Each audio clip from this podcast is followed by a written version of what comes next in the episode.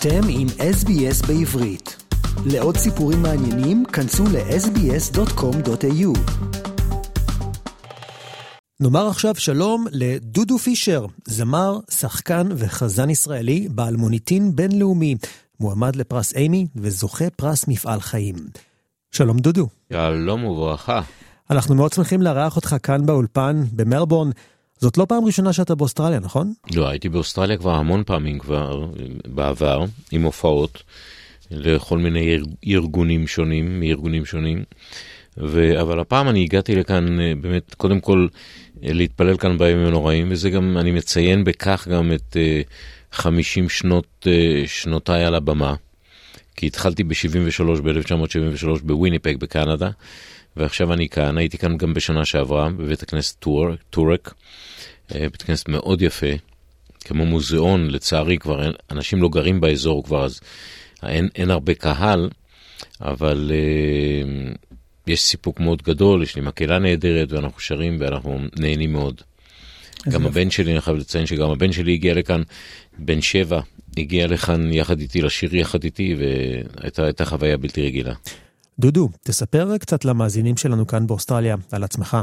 אני אה, נולדתי פתח תקווה, אה, בגיל, בגיל עשר בערך עברתי לגור בקריית טבעון. אה, ואז עברתי ללמוד בישיבה תיכונית בנחלים, לאחר מכן להקת הרבנות הצבאית, ומשם, אף על פי שאני רציתי תמיד להיות רופא שיניים, החלום שלי היה להיות רופא שיניים, עד שפגשתי את אותו מוריס הירש, את הבחור הזה שאמר לי שהוא רוצה שאני אבוא להתפלל אצלו בקנדה, בחגים. הוא שמע אותי באיזה חתונה, שר שהחיינו וקיימנו, ו... אמרתי לו שאני לא מעוניין, כי אני רוצה ללמוד רפואת שיניים, וזה לא באמת בראש שלי, המוזיקה זה לא עניין, לא כל כך, לא כל כך דיבר אליי אז. לא חשבתי שיש לי את הכישורים המספיקים, לא חשבתי שאני באמת אה, מספיק טוב אולי. ו... ואז הוא אמר לי, תשמע, אני אתן לך 5,000 דולר ו... וכרטיס טיסה. בשבילי זה היה מספיק לקנות את הסימקה הראשונה שלי באוטו. ונסעתי ושיניתי את דעתי והחלטתי ללכת על מוזיקה. חזרתי לארץ, זה היה ב-73, פרצה מלחמה, חודשי מלחמה בצבא, ולאחר מכן אה, התחלתי ללמוד מוזיקה באוניברסיטת תל אביב, ב... כן. ואז הדרך לחזנות הייתה מאוד קצרה, כי אני הבנתי שכאן אני יכול כבר מיד להיות חזן אה, ולשמש כחזן בקהילות שונות בארץ ובעולם. הייתי בדרום אפריקה שלוש שנים, אחר כך חזרתי לארץ. אה, ב-86 הלכתי, נסעתי לניו יורק וראיתי את ה... נסעתי ללונדון, וראיתי את המחזמר לי מיזראב. עלובי החיים, כן. ששינה את חיי. ומאז אני על הבמה, על הבמה של במות, במות של מיוזיקלס ובמות של אה, הופעות שלי. ובחגים, רק בחגים אני גם מתפלל כחזן. אבל זה רק בחגים, אני לא, עושה, לא מתפלל בשבתות ולא מתפלל בחגים אחרים, רק בראש השנה ויום כיפור, ויתר הזמן אני על הבמה אה, בתיאטראות. בוא נתחיל דווקא מהסוף. אתה משחק בסדרה חדשה שעלתה לנטפליקס, סדרה שבה אתה מגלם רבי בבלגיה. הסדרה נקראת Rough Diamonds, והיא מספרת את הסיפור של משפחה אולטרה אורתודוקסית שמתעסקת עם יהלומים. בוא תספר לנו קצת על זה.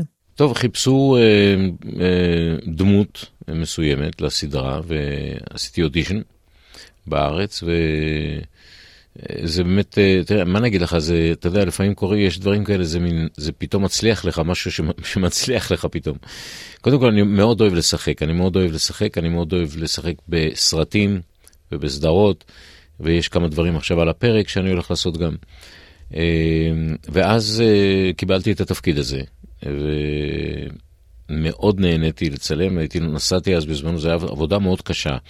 נסענו, נסענו ביום ראשון מהארץ במשך אה, עשר שבועות. איפה צילמתם את זה? לבלגיה. צילמנו את זה בבלגיה, באנטוורפן. במקום איפה שהעלילה מתרחשת, זה, הסדרה מספרת על, אה, על ההיסטוריה היהודית בענף היהלומים באנטוורפן, שאז באמת שלטו שם יהודים, היום זה כבר, היום זה לא המצב כבר, היום, היום זה הודים וסינים, וכבר לא, היהודים כבר לא שולטים ממש בכיפה שם. אמ, אבל במשך עשרות שנים, זה היה כבר מאחרי השואה, עד לפני 20 שנה בערך. אני זוכר, הייתי נוסע לשם הרבה להופעות, גם הייתי עושה שם המון הופעות. ו... והסדרה הזאת החזירה אותי באמת, ל... ל... ל... עשתה לי מין דז'ה וו כזה לתקופה של הופעות שהיינו שם מגיעים לאנטוורפן. אבל העבודה הייתה מאוד מעניינת והסדרה מאוד מאוד הצליחה, לא רק אה, אצל יהודים, היא הצליחה בכל, בכל העולם. היא הייתה מספר, אה, מספר אחד בצפיות במשך עשר שבועות, עשרה שבועות. תספר לנו קצת על הדמות שאתה מגלם. אני משחק את אב המשפחה, mm-hmm. אב המשפחה של, ה, של מי שהקים למעשה את האימפריה הזאת של היהלומים. שאחר כך התחילו בעיות עם הילדים, שהילדים הורסים את זה והילדים כבר עושים דברים אחרים. Mm-hmm. אבל uh, זה היה מאוד מאוד uh, מרגש לעשות את זה ואהבתי. ואני שמח שזה הצליח, כי זה באמת הביא הרבה הצעות נוספות. ואני חושב שאני בגיל כזה עכשיו גם שאתה מתחיל להרגיש שמלמעלה מכוונים אותך לדרכים אחרות, גם לא רק להיות על הבמה ולשיר, אלא גם לשחק. ואני מאוד אוהב לעשות את זה. אז אתה אומר שיש אה, הצעות לעוד אה, עבודות, עוד סרטים, מה בדרך? יש, יש הצעות לכמה סרטים עכשיו שאנחנו עובדים על סרטים ו, וגם סיטקומס, אה, כן, ועכשיו אנחנו מנהלים משא ומתן, חלק מהדברים אנחנו באמצע קריאה עדיין ו, ו, ו, ויצירת העניין, אבל יש, מדברים על זה. יפה, שיהיה בהצלחה. תודה. טוב, בוא נדבר עכשיו קצת על השירים שאתה שר ביידיש. אין כיום הרבה זמרים ישראלים מליגת העל ששרים ביידיש. תוכל לספר לנו איך למדת יידיש ומדוע זה חשוב לשמר את השפה הזו? יידיש למדתי מהסבים והסבתות שלי, אני הייתי באמת ילד, ילד מאוד מיוחד ב, ב, בעניין הזה של סבים וסבתות, כי בזמני, אה, כבר, אתה יודע, בכיתה שלי לא היו הרבה ילדים שיש להם, כי כולם, הרבה מהם אה, אה, הלכו בשואה. ואני, היה לי מזל, הסבא הראשון, הסבא מצד אימא שלי היה ציוני גדול, עזב את המשפחה שלו בליטא, וכולם נהרגו שם, והוא ואימא שלי הגיעו לארץ עם סבתא שלי, והסבא השני ניצל על ידי אה, אה, אה, משפחה פולנית, אוקראינית, אה, שחפרה בונקר מתחת לבית שלהם, ואבא שלי הגיע לארץ לאחר השואה, הם התחתנו, ואני שמעתי את היידיש בבית כל הזמן. זאת אומרת, ההורים שלי כבר בזמן מסוים התחילו לדבר רק עברית, אבל uh, הסבים והסבתות דיברו יידיש, והיו שרים לי ביידיש שירים. Uh, למה אני חושב ש... תראה, זה, זה שפה שחיברה בזמנו את כל העם היהודי, זאת אומרת, את, את כל העם... ב, ב, ב, אתה עם אשכנזי, וכמו שה, שהלדינו אה, חיברה בין היהדות הספרדית. שחבל, זה שתי שפות שהן פשוט מאבדות, את, מאבדות גובה, וזה חבל, כי הביטויים וה, והדברים שאתה יכול להגיד ביידיש, אתה לא יכול להגיד אותם בשום שפה אחרת. ואני מאוד, תראה, לצערי, אתה יודע, שהייתי נוסע אה, להופעות לפני 30 שנה ו-40 שנה, אז אה, הייתי מקבל נגיד טלפון מפרודוסר אה, אה, במקסיקו, בארגנטינה, ואז הוא אומר לי, דודו, אנחנו רוצים שתשאיר את כל השירים, אתה מגיע לכאן לקונצרט, כל השירים ביידיש, מה, מהתקליטים שלך, מה שעשית וזה. והיום אותו אחד מתקשר אליי, הוא אומר לי, דודו, אני יודע שאתה אוהב לשיר יידיש, אבל שיר אחד מספיק, לצערי. זאת אומרת, באמת הקהל כבר היום לא, לא ממש מבין יידיש, אולי יש שירים אולי שיזכירו לו קצת משהו מהבית, מאירופה, מהשואה. מלפני השואה אולי, אבל כמה יש כבר כאלה? Mm. כבר אין הרבה. השפה קיימת, השפה קיימת במיוחד אצל החרדים. אה, בברוקלין מדברים יידיש ובבני ברק מדברים יידיש, בירושלים ובניו יורק ובלונדון, כן? אבל מה שאנחנו מאבדים זה לא, את, את, כמובן שהשפה היא שפה, אבל מה שאנחנו מאבדים זה את התרבות היידישיסטית, את השירים ביידיש ואת ה, את הסופרים, את הבשבי זינגרים ואת שלום עליכם, אלה, אלה הדברים שאנחנו מאבדים וזה מאוד חבל, כי הם, הם לא צורכים את התרבות הזאת, החרדים. אבל היידיש תישאר, עכשיו שפת היידיש תישאר אצל החרדים, השאלה עכשיו כמה, כמה חרדים יהיו בעוד 50 או 100 שנים, יכול להיות שהם ישתלטו בכלל על כל, ה, על כל העסק, כי הילודה שם היא מאוד גבוהה, אז מי יודע מה יהיה. כן. ואנו משוחחים עם דודו פישר, זמר, שחקן וחזן ישראלי, שמתארח כעת במלבורן ונמצא אצלנו באולפן. טוב, בוא נדבר קצת על חזנות. יש קשר הדוק ביהדות בין תפילה לניגון ולמוזיקה. תוכל uh, טיפה להסביר? תראה, יש בה... בחזנות, בבית הכנסת, יש עניין של נוסח. זאת אומרת, לכל חג יש את הנוסח שלו. ראש השנה זה נוסח שלו, יום כיפור זה נוסח שלו, אה, החגים, אה, סוכות, שבועות ופסח, יש נוסח שלהם, אה, ושבת יש נוסח שלו. כל... העניין הוא שבזמן האחרון, מכיוון שבאמת האנשים, יש כל כך הרבה אנשים, איך אני אגיד לזה, זה לא כך, לא, אני לא הייתי רוצה להגיד, להגיד אסימיליישן, לא רוצה להשתמש במילה הזאת, כי היא מאוד כואבת לי להשתמש בה, כי אני באמת רואה, אבל יש כל כך הרבה יהודים שמגיעים פעם אחת בשנה לבית כנסת. עכשיו, אין להם מושג מה זה נוסח של, של ראש השנה, נוסח של יום כיפור, סוכות, פס... הם לא מבינים בדברים האלה. כך שכל העניין הזה של הנוסח פתאום הפסיק, איבד מאוד מהערך שלו.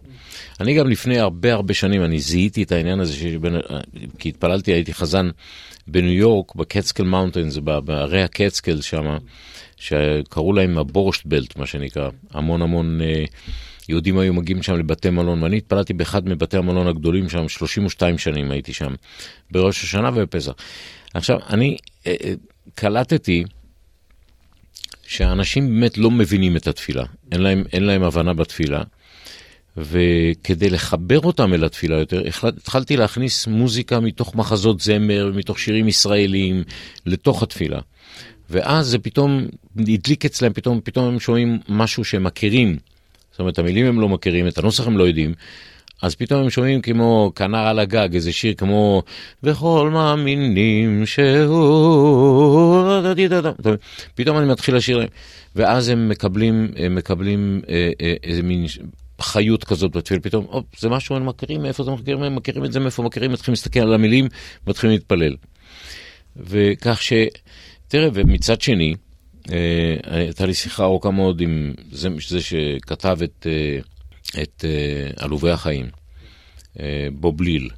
שמברג ובובליל, זה שני יהודים מרוקאים שגרים בצרפת, שהם כתבו את המחזמר הזה, המחזמר לדעתי הכי טוב שנכתב במאה ה-20. והוא אמר לי, תשמע, כל המוזיקה של, של עלובי החיים זה מתוך מוזיקה שאנחנו שמענו בבית.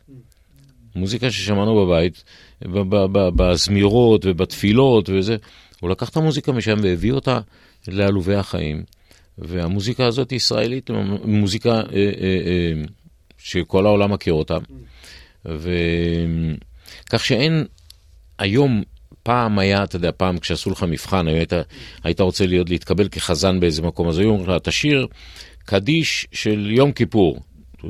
תשאיר קדיש של ראש השנה, תשאיר קדיש, היום אף אחד לא יודע, אין לאף אחד מושג, חוץ מחזנים באמת שמכירים את הדברים האלה, אבל הקהל כבר לא, כבר לא מחובר לא לעניין מכיר, הזה. לא מכיר, לא מכיר. האם בקונצרטים שלך הקהל הוא בעיקר יהודי או לא רק? לא רק, לא רק, גם באים גם לא יהודים.